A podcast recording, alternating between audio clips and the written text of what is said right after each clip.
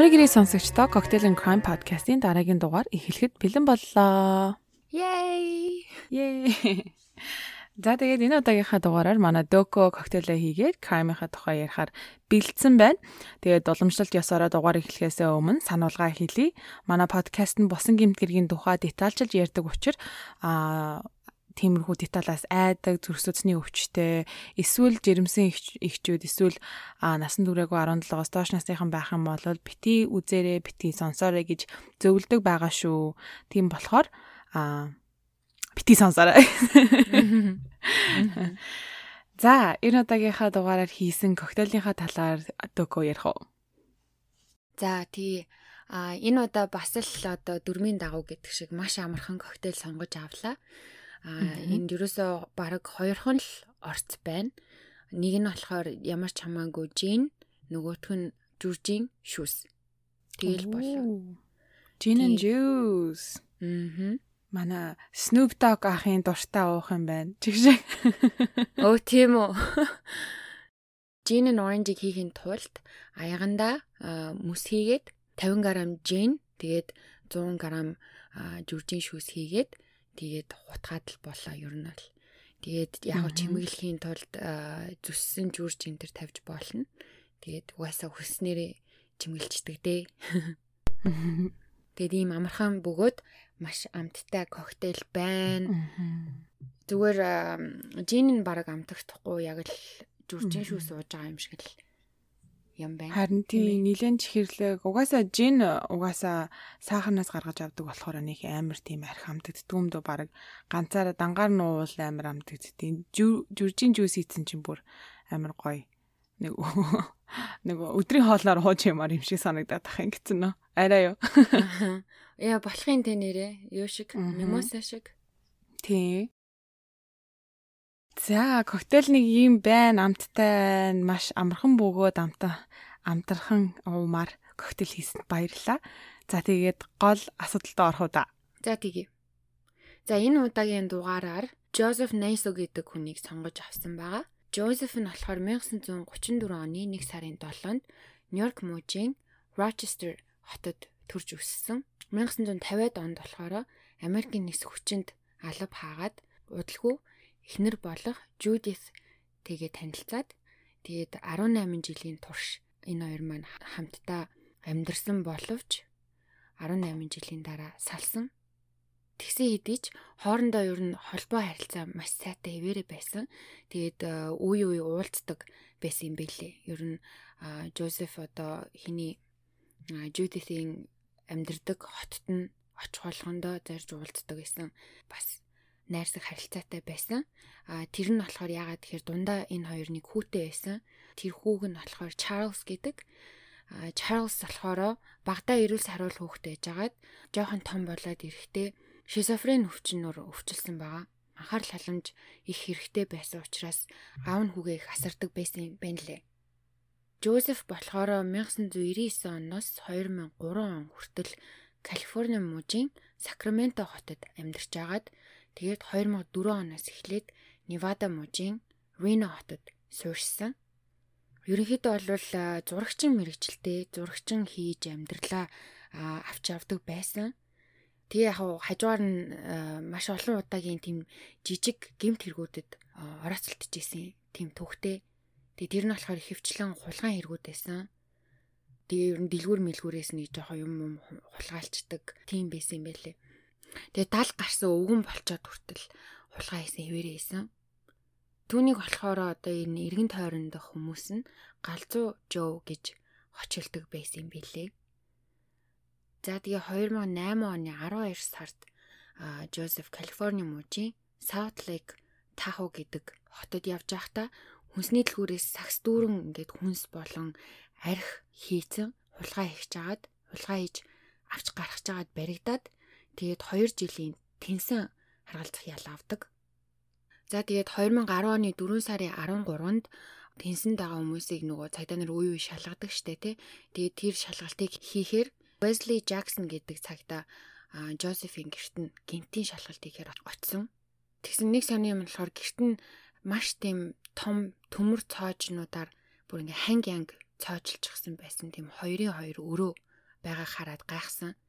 Тэгээд ямар нэг юм нуугаад байгаа бахтаа гэд Жозефиг тэр өрөөнүүдийг онгойлгохыг шаардсан боловч Жозеф гинэт сонирн болонгуудаа янз янзын шалтгаан тоочоод онгойлгож өгөөгүй. А тий одоо энэ энэ эсэргүүцэл нь болохоор өөрөө одоо тэр тэнсэн аргалзах ялаа зөрчиж байгаа зөрчил байсан учраас түүнийг шууд давалсан. За тэгээ цааш нь гэрийг нь нэгжиж явж агаад сонингийн зарын хайчилбар болон нэг ширхэг бууны сум олсон тэр хайчилбар дээр болохоор гар буу зарна гэсэн тийм зар байсан бөгөөд тэр байсан сум нь тэр бууныхтай таарч байсан. Тэгэхээр бас хууль бусаар гар буу худалдаалах гэж байгаад баригдсан учраас тэр доор нь баривчлаад Уэсли гэдэг тэр цагта араасаа нэмэлт хүч дуудсан. Нэмэлт хүч ирээд байрын цаашд нэгчгэд гэр нь ер нь бол маш замбраагүй хог навшиндаа дарагдсан битүү ингээд сонин сонингийн хайчилбарууд цаас тэгээд дээр үеийн тийм камернууд баахан гимт хэргийн тухай ном, сонин сэтгүүл байснаас гадна нөгөө хоёр цоочтой өрөөний түлхүүрүүдийг олдог. За тэгээд тэр өрөөнд нь ортол баахан манеканууд байсан. Ихэнх нь болохоор толгоогүй хөл гарын салгачихсан энтер байсан. Тэгээд нэг чамдаам онгойлгосон ч хүртэл тэр дотор ингээд хоёр салгацсан манеканы хөл байсан айгу сонир санагдсан гэж цагдаа нар өөрсдөө дараа нь ярилцлаган дээр ярьж илээ. Цаашаа нэгчтэл машины гаражинд нь 10 ширхэг тийм бас манекен байсан. Тэднэр нь болохоор одоо тэр цоочтой өрөөнд байснаас ондоо яг тэр одоо цоочтой өрөөнд байсан манекенууд ингээд толгоогүй, хөлгүй, гаргүй, хувцсгүй ингээд ийм тийм тийм байсан бол энэ 10 манекен бүгдэнд нь бүр ингээд нямбаалаад эмхтэн хүний тийм гой гой татвар хувц өмсүүлчихсэн.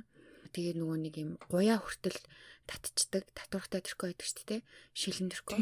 Тим тэрконууд өмсүүлчихсэн. Ер нь бол ингээд lingerie өмсүүлчихсэн байсан. Арууланд. Аа тэгээд тэр дунд яг ганц сонин содон гэх юм нь болохоор нэг манекен нь болохоор ингээ хоолооноос нь олсоор дүүжилчихсэн хэлбэртэй байсан. Тэгэд ер нь угаасаа айгүй сонирн байгаас тэ 76 хүрчихсэн өвөө баах юм сонин сонин хувцалсан манекен энэ төр тамир нямбалаад крашнд хатгалцсан тэгс амар цоочтой өрөөнд баахан толгой хөлгүү гаргуу манекен хатгалчихсан тий. Тийш. Тэгээ цаашаа нэгчгэд өрөө бүртэн шахуу баахан тийм эмхтэй хүмүүсийн гэрэл зургнууд байсан. Тэр зурган дээр байгаа эмэгтэйчүүд бүгдээрээ шахуу тийм дотор хувц болон төрөний илжсэн шиг тийм татвартай шилэн тэрконууд өмсчихсэн жоохон тийм эротик зургнууд байсан баа. Тэгээ хамгийн сонин тэр тэрконууд нь бүгдээрээ арталтаа тийм босоо хөлөө тагсан зураастай. Нэг тийм тэрконууд байдаг штэ чамд төсөөлөгдөж байна. Яг ингэ дундуура зураастай. А хамгийн амар нь тэр зургнууд дунд нь хит хит хүүхний нэг бол одоо ухаангүй байгаа эсвэл нэг бол бараг нас нас барцсан юм уу гэмээр байдалтай зургнууд байсан. Тэгээ бас нэг чухал юм олцсон нь галтгооны ширээн дээр нь Жозефийн өөрийнх нь гараар нь гараараа битсэн зөндөө олон хуудас тийм жагсаалтууд байсан. Тэр нь болохоор ингээд оноор нь ялгаад бичсэн. Түүний хүчинцэн эмгтээчүүдийн тухай жагсаалтууд байсан. Тэгэл одоо юу гэдэг нэг хуудсан дээр нь 1950 оноос 1960 он гэснээ тэнд танилцсан тим тим хувцтай, тим өстэй, тим биетэй хүүхнийг тэнд ингэж ингэж хүчинцэн ингээд бүр ингээд тэмдэглэл биччихсэн байсан. Хамгийн сүүлийн чухал олцсон зүйл бол бас нэг чагсаалт байсан. Тэр нь болохоор нөгөө чагсаалтуудаасаа өөр газар байсан бөгөөд тэнд нь болохоор нэгээс 10 хүртэл дугаарлаад ичсэн тийм чагсаалт байсан. Тэр нь бүгдээрээ газар зүүн байршлыг нь бичээд тэр хавьд байсан охин гэд 10 гэм биччихсэн. Одоо жишээ нь гэх юм бол нэгдүгээрт гэснээ Порт Костагийн ойролцоо байсан охин гих мэттэй ингээд яг 10 10 өөр газар зүүн байршил бичээд яг тэр тэрний ойролцоо байсан эмэгтэй гэд ингээд биччихсэн байсан. За тэгээ мэдээж энэ бүх баримтыг олсон учраас гэртаага зүйлсүүдийг сайн нэгжиж хэрэг үүсгэхээр одоо эд зүйлсүүдийг нь битүүмжлээд цагдаа нар авсан. Биднийг одоо энэ хэрэг дээр ажиллаж исэн, мурдагч хэлж исэн тэдний гэрээс баг аваагүй үлдээсэн юм гэж баг байхгүй. Тэгэхэд баг бид нар хөргчнөөс нь бусдын лавж явсан байх гэж ярьж исэн. Тэгэхээр бүр маш их одоо эд мөрийн баримт гэх юм уу тэг юм цуглуулсан байхгүй. Цагдаа нар одоо энэ гэрээс нь юмнуудыг авч амжаагүй байх үед Жозеф одоо нөгөө баривчлагдсан маш тэтэй хоригдож байгаа. Тэгсэн тэр газар нь нөгөө салсан ихнэр нь болох чүүдэс эргэж очдог. Тэгээд тэр хоёрын яриаг мэдээж бичиж авсан. Тэгэхэд Жозеф одоо тэр салсан ихнэртэй хэлж байгаа хгүй юу? Одоо гэрт байгаа юмнуудыг ингээд цагдаа нар хураах гээд байна тий. Тэгтээ тэр дунд цагдаа нарын олж болохгүй зүйл байгаа. Тэр шүүрэг шүүгэнд байгаа юмыг хүүгээ гэрлүү нууцаар оруулаад ахуулах хэрэгтэй байна. Чи энийг ингээд надад хийгээд өгөөч гэсэн чинь Жудис угаасаа татгалцсан. Үгүй чадахгүй гэсэн чинь тэр өрөөнд амир хэрүүл болсон гэж ярьжсэн. Тэгээ цагдаа нар тэр яриаг нөгөө бичээд авцсан. Тэгээ дээрэс нь яг болж хахад нөгөө сонсоо суужсэн болохоор хэлсэн газарт нь шалгасан чинь үнэхээр одоо тэр хэлсэн юм байсан. Тэр нь болохоор нөгөө унтлагын өрөөний шүүгэнд байгаа гэсэн шүү дээ. Хоёр түлхүүр байсан. Тэр хоёр түлхүүр юу вэ гэхээр хоёр өөр банкнд хувийн цэвтэй тэгээ тэр хоёрын түлхүүр нь байсан. За тэгээ цагдаа нар тэр хоёр сефийн нэгжиж болно гэсэн зөвшөөрлөө аваад шалгахтал нэгнээс нь болохоор 152 мянган ам доллар бэлнээр олцсон. А нөгөөхт нь болохоор тийм хідэн самбар шиг Тэ одоо картон цаасыг самбар болгож ашиглаад урт талд нь зураг нагаад арт талд нь сонингийн ажилбар наачсан тийм картон цааснууд олдсон. Тэгээд тэр тэр зурган дээр байсан эмгтээчүүд нэг бол ухаангүй, нэг бол үхсэн байдалтай тийм нүцгэн зургнууд байсан. Сонингийн хайжилбар дээр болохоор эмгтээ хүний цогцос олдлоо энэ гэсэн мэдээлэл мэдээ мэдээллүүд байсан. За тэгээд нэг самбар дээр нь болохоор Линда гэдэг хотод амьдардаг Pamela Parsons гэгч 38 настай эмэгтэй цогцос олцсон тухай байсан. Яг одоо энийг олох үед яг энэ үед л цагдаа нар цуврал одоо хүчирхийлэгчтэй бид нар ажиллаагүй юм байна. Бараг энэ цуврал алуурчин байж магадгүй юм байна гэдгийг ойлгосон. Сүүлд нь олсон тэр нөгөө 10 хүний жагсаалт нь штэ тэрийг бусад жагсаалчиг хүчинцэн хүмүүсээ жагсаа бичсэн байна гэж бодож исэн боловч одоо энэ саяны олсон мэдээллийн ачаар аллагын жагсаалт байх боломжтой байх магадaltaй юм байна гэж мэддэг. Ягаад тэгэхээр тэр 10 жагсаалтын номер 9 дээр болохоор Линдагийн эмэгтэй гэж биччихсэн байсан. Тэгээд нөгөө түрүү хэлсэн дээ сонингийн хайчилбар дээр болохоор Линда гэдэг хотоос олдсон цогцос болох Pamela Parsons гэдэг хүний цогцсон байсан гэж хэлсэн дээ. Тэгэхээр ингээд одоо хоёр цэгийг цаданаар холбоод тэр дорны ойлгочихсон маа. Тэгээд энэ Памела гэдэг эмэгтэй одоо энэ нөгөө нүцгэн ухаалтсан ч юм уу гэмээр зургнууд нь энэ цэфэнд нь байсан бол өөр бас зургнууд нь тэдний гэрт нь бас байсан. Тэр одоо хэдэн мянган зурган дундаас нь олдсон. Тэрэн дээр болохоор бас л тэр манекенд өмсүүлсэн шигэ одоо эмэгтэйний дотор хувцас өмсүүлчихсэн. Түрүүний ярьж исэн шигээ шилэн төркөө өмсүүлээд тэгээд тийм жоохон эротик зургийг авсан байгаа. Нүцгэн зургийг ч бас авсан байсан. Аа. Жозеф болохоор одоо тэр нөгөө гуяа хүртэл татдаг ардаа зураастай тэрконд бүр амар дуртай юм тим тэрконы фетиштэй байсан байгаа байхгүй юу. Тэгээ тэрийг яаж мэдсэн гэсэн чинь бусад өөр хүүхнүүдийн зургнуудыг харахад зарим нь одоо зураасгүй тэркон өмссөн байгаанууд дээр нь зургийг угаалгасныхаа дараа ингээд балаар юм уу палмастраар ингээд зураас татчихсан байсан. Памелагийн цогцос болохоор 93 онд тэр Линда гэдэг хотоос хоолойгоо бомблуулж алуулсан юм уу гэмээр мөртөө олцсон. Тэгээд харамсалтай нь түүний хэрэг одоо 30-аад жил учир нь олдоогүй. Ерөөсөө хэрэгт нь гарч ирээгүй байсан учраас cold case болчихсон байсан юм байна лээ. Жозефийн гэрт нь байсан навшин дунд нь дундаас нь бас өөр юу олсон гэхлээр календарнууд байсан. Тэр календарнууд болохоор бүр дээр үеийн бүр 90 он оны календарууд байгаа байхгүй юу? Тэгээ тэр болгон дээрээ ингээд өөрөө тэмдэглэл хөтөлт юм уу гэмээр өдөр өдөртөө болсон одоо тэмдэглэлт юмнуудаа ингээд бичээд явдаг байсан. Одоо юу гэдэг чинь өнөөдөр тэр дэлгүүр рүү орлоо ч юм уу өнөөдөр тийм хүнтэй танилцлаа ч юм уу те тэгээд өдөр өдөртөө болсон онцлог юмнуудаа бичдэг байсан юм байлээ. Памелагийн хамгийн сүүлд харагдсан өдөр болохоор 93 оны 9 сарын 15 байсан. За тэр нэр яг тэрийн тулгаад 93 оны календарыг олоод 9 сарын 15 руу эргүүлээ харсан чинь тэрэн дээр нь ерөнхий утга нь болохоор одоо хариугаа авчихлаа ч юм уу тэгээ өмнө нь олж ирсэн юмнаас хариугаа авчихлаа гэсэн одоо тэмдэглэл байсан. Басны тэмдэглэл байсан нь болохоор энийг үзэсгэлэнтэй хүүхэнтэй танилцсан. Тэгээд тэр болохоор замын унаанд дахтгаа зам дээр зогсож исэн. Аа тэгээд одоо ерөөхдөө өөрөө тэр хүүхнийг зогсож машиндаа суулгаад хүрэх газар нь хүргээд тэгээ тэр хоорондоо ярьсан байгаа хгүй юу. Би ингээд зурагч нь те би чиний зургийг авах хүсэлтэй байна гэд найрчихсан. Тэгээд буцаж одоо уулзах өдрөө товолж муулсан байгаа хгүй юу.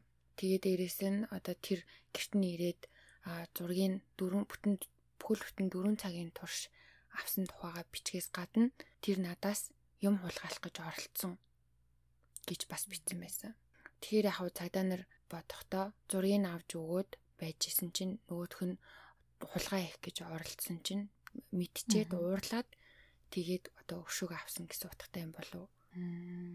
За тэгээд эн чинь одоо нөгөө хамаг юмаа тэмдэглэдэг хүн байна гэдгийг мэдчихэд ер нь тэр навшин донд байгаа юмнуудыг бүгдийг ингээд хооронд нь холбож те аль аль эмхтэйг хүчинцэн байх, аль аль эмхтэйг алсан байх одоо бүх юмыг ингээд тулгаж нэг нэгээр нь араас нь хөөж явсан юм бэлээ. Удаа хугацааны мөрдлөг шинжилгээний ачаар одоо Памелагаас гадна дээрээс нь 5 эмэгтэйг Жозефин тэр чагсаалттай нь бүр ингээ ян таг булгаж бас нотлох баримтууд олж чадсан. Жозефиг яг алсан гэдэг. Аа. Тэр эмэгтэйчүүд нь болохоор эхнийх нь Roxanne Rogish гэж нэртэй 1977 оны 1 сарын 10-нд Калифорниа мужаас цогцсон олдсон 18 настай эмэгтэй байсан. Аа. А хоёрдугаарх нь болохоор Carmen Collin гэдэг нэртэй 1978 онд Калифорни мужаас цогцсон олдсон 22 настай эмэгтэй. Гуравдугаарх нь болохоор Sheria Patton гэдэг 1981 онд бас л Калифорни мужаас цогцсон олдсон 56 настай эмэгтэй. Дөрөвдүгээрх нь Sarah Dillon гэдэг 1992 онд бас л Калифорни мужаас ор сургуу алга болж исэн эмэгтэй. Тавдугаарх нь Trey Tafoya гэдэг 94 онд Калифорни мужаас олдсон 31 настай эмэгтэй.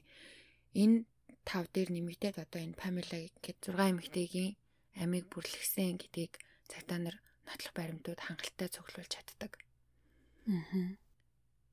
Тэгээд нэг сонирхолтой санагдсан юм нь болохоор энэ нөгөө Sarah Dillon гэд 92 онд Орос руу алга болсон хүүхэн болохоор Bob Dylan гэд алдартай дуучин байдаг штэ тий. Тэрийг их сургуультай сурж байхдаа хөгжмийн сонсч эхлээд тэгээд тэр тэр хүнд бүр ингээд донтоод бүр сургуулаа хаяад энэ хүний концертыг нь үзэх гэж аялан тоглолтын дагаад ингээд хотод дамжаа явдаг ийм болчихсон байсан ох юм бэлээ. Оо за. Тэгээд энэ Боб Диланы эхнэр нь болохоор Сара Дилан гэдэг хүн юм байна штэ. Тэгсэн чинь энэ Орос руу алга болсон хүүхэн болохоор шал өөр нэртэй хүн байжгаад эхнэрийнхээ нэрийг хуулбарлаад өөрөө нэрээс олсон юм байна. Бүр тэгтлээ юм. Өвчтэй юм бэ яасан ч тоо. Харин тий одоо энэ фэн клубуд ч юм бас тийм байж тээ бөөнөрөө хамтдаа ингэж дагаж авч бүх тоглолт энтрийг үздэг. Тэгээ тэр дунд нь энэ эмэгтэй байсан юм билээ. Энийг ингээ сүлд одоо олж мэдчихэд мөр төвчнөр энэ фэн клубын тухай үед байсан энэ хүүхэнтэй хамт аялж явж исэн байж магадгүй гэсэн хүмүүс хүмүүсийг олж холбоо тогтоогоод ярилцлага авсан чинь өө тийштэй нэрээ тэр үед Sarah Dillon гэж хүн байсан. Тэгээд 92 онд Орос руугаа алга болсон штеп бид нар бол нь хаваад Боб Дилны тоглолтыг үзчихэд буцаж ирээд баруун эргээр тоглогдох тоглолтуудыг бид нар үзэх ёстой байсан боловч Сара Орос руугаа алга болоод ирээгүй гэж хэлдэг. Тэгээд яг тухайн үед сая Жозефтэй тааралдаад нас орсон байсан байгаа хгүй юу. Аа. За тэгээд шүүх хурал нь эхлээд нэлээд удаан үргэлжилсэний дараа эцэст нь 2013 оны 11 сарын 22-нд эцсийн байдлаар шүүхийн шийдвэр гараад Жозефийн буруутайг нотолж чадсан учраас цаазаар авах ял оноосон. Одоо болтол Жозеф тэгээд тэр нөгөө цаазаар авах өдрөө товлогдохыг хүлээгээд Калифорни мужийн Сакраменто хотод шоронд хоригдож байгаа юм билэ. Яг одоо одоо 87 настай өвгөн гэсэн үг. Завхарсан. Тэгээ бас цагдаа нар ингэж хэлчихсэн. Нөгөө гаражинд нь байсан 10 манекен штэ тий. Тэр айгүй ол энэ түүний одоо алсан 10 эмэгтэйг төлөөлүүлж тавьсан манекенууд юм болов гэж боддог гэж ярьж исэн. Аа. Бас тий нөгөө нэг бүх юм дууссны дараа тэгээл айгүй бол харж өмнөхөө бодож баясаж тэгээд сэтгэл санааны таашаал авдаг ч юм уу тий. Харин тий. Тэгээ бүр мартахгүй хичээгээд бүр ингээм амар тэмдэглэж авч мавдаг тий. Зураг хүргийг хадгалдаг эрсдэлтэй штэ эн чин хичнээн олон жилийн дараа ч ингээл баригдаад л эн чин өөрийнх нь эсрэг ашиглагдчихж байгаа байхгүй юу. Тэгэхэд тий штэ. Тэрийгэ харж буцаж харж кайф авдаг байсан байхгүй юм шиг. За аваа. За тэг хичнээн эрсдэлтэй байсан ч гэсэн сэтгэл санааны ийм доголдолтой алуурчин хүнд болвол тэр эрсдэл болвол юу ч биш ах уу. Тэгээ дээрэс нь айгүй бол нөгөө нэг эрсдлээсээ тэгэж гоё адреналин ялгарч бүр илүү таашаал авдаг ч юм уу тий. Аа. Заваа өө яасан. Юу хин санаанд орчлоо. Golden State Killer Аа тийм тийм. Алтан мужийн алуурчин нөгөө нэг өвгөнтэй амир адилхан санагчлаа зургийг харсан чинь. Тэгээ нөгөө бүр хөгшин хөгшөрснийхаа дараа баригдаж ингэж ялаа идэлж байгаа болохоор бас адилхан санагдчих шүү. Тэгээд э, чагсаалтанд нь одоо хичнээн 10 эмэгтэй хүний нэр байсан ч гэсэндээ 6-гийн л яг жинхэнэ шүүхээр баталж чадсан. Үлцэн дүрийг нь бол чадаагүй юм бэлээ. Батлах баримт хангалтгүйгээд. Аа яг уу тэр дөрвөн хүний ард гэрийнхэнд нь бас мухаал одоо дутууд болцсон юм шиг бодогддог байх л та. Гэхдээ яллагдаж бол хамгийн дээд шийтгэлийг авсан учраас бас сэтгэл санаа нь жоохон үеиг өөр байдаг гэж өөр байдаг гэж магадгүй тий. Аа. Бас тэгээд 6-гийн 6 хүнтэй хүн одоо хүний амийг хөнөөсөн гээд хариуцлага хүлээж байгаа нь бас авууштай те хичнээн олон жил өнгөрсөн ч гэсэндээ. Тэгээ аруула мэдэгдээгүй энэ нүгүн тэгэл насаараа эрх чөлөөтэй явсан бол бас гомдмор штт. Тэгээд яг уу энэ одоо энэ 10 эмэгтэй болохоор их хөвчлийн дандаа бие үнэлдэг эмэгтэйчүүд байсан учраас одоо цагдаа нар нэг амир тоож авч илцээгүй гэсэн тийм хил ам байд юм бэлээ. 90-ад онд одоо хамгийн ихэнх аллага нь болчихсон. Багаз тэгэхээр яг энэ үед чинь одоо хамгийн цуврал алуурчид эд бууж гинжээс үе Дээрээс нь одоо эднэрийн хамгийн түгээмэл хохирогчд нь бие үнэлэгч нар байсан. Учираас одоо хитрхи олноороо алга болоод исэн гэх юм уу тий. Тэгээ ажиллаад дийлцгээхгүй маш олон хүн ингээд тоогдохгүй өнгөрчихсөн. Тэгээ энэ олон жилийн дараа бас олсон гэдэг нь бас айгүй мундаг санагдсан. Тий штэ. Дээрээс нь жинцэн эмэгтэй эмэгтэйчүүдийн чагсаалт байна. Аа. Тэгээ зөндөө олон эмэгтэйчүүд байгаа. Тэг тэр нь бол угаасаа одоо батлагдхад бол амар хэцүү шттэ энэ олон 40 50 жилийн дараа. Тийм шттэ. Тэрнийхээ төлөө бол шийтгэгдээгүй гэх юм уу те өнгөрч байгаа. Гэхдээ тэр одоо хүчингээ хэрэгтэй хариуцлага хүлээгээгүй ч гэсэндээ тэр олон жилийн өмнө одоо хүчиндүүлсэн охтууд эмэгтэйчүүд те одоо энэ хүнийг ингээд мэдээ мэдээлэлэр ч юм уу ингээд зурагтаар ингээд хараад өөрийнх нь тухай мэдсэн бол бас ямар юу яж байгаа хаа баг зэргийн бас тайвшрал авж байгаа хаа. Аа. Өөрийнх нь хэрэг дээр биш ч гэсэндээ өөр хэрэг дээр ингээд шангаа хүртээд хариуцлага хүлээгээд ингээд шоронд сууж байгаа гэж бодоход бас сэтгэлд нь ямарваа нэгэн тайвшрал өгсөн байх гэдэгт бол би итгэлтэй байна. Тэгтээ бас амар харамсалтай байхгүй юу? Маш олон хүмүүс бүр лист нь бүр ямар амар урт юм бэ? Харин тий. Тэгээ ингээд гаднаас нь харахаар зүгээр л нэг юм энгийн зурагч ах шиг харагдаж байгаа байхгүй юу? Залуугийн зураг нь. Тэг ингээ бодохоор нэрээ үнэхээр эргэн тойронд хин юу хийж явж байгааг үнэхээр мэдхээргүй те. Энэ одоо тэгээ баг цаазаар ахуулахаас өмнө өөрөө одоо жамаар байгалийн жамаараа нас барчих байх гэж бодож байна. Угаасаа амар уддаг штт те. Аа. Лесээр хагаад нас орсон хүн нөгөө цаазаар ахуулснаасаа илүү их байдаг. Болохоор энэ баг ингээд цаазаар ахуулахгүй байх. Энэ хүн тэгээд аа одоо энэ хүний ар гэр одоо бага насны тухай ямарваа нэг мэдээлэл байсан үгүй юу? Мэдгүй энэ айгу сонин нэг амар тийм дээр үе хэрэг биш. Тэгээд одоо энэ хэрэгтэй нь өөрөө амьд байгаа хэрнээ одоо энэ бага насны мэдээлэл гэрүүлийн байдлын энэ төрлийн мэдээлэл бол амар хомс байсан. Аа. Уг нь ийм олон хүн алччихсан ийм хүн хүмүүсийн тухай мэдээллүүд маш дэлгэрэнгүй байдаг штеп тий.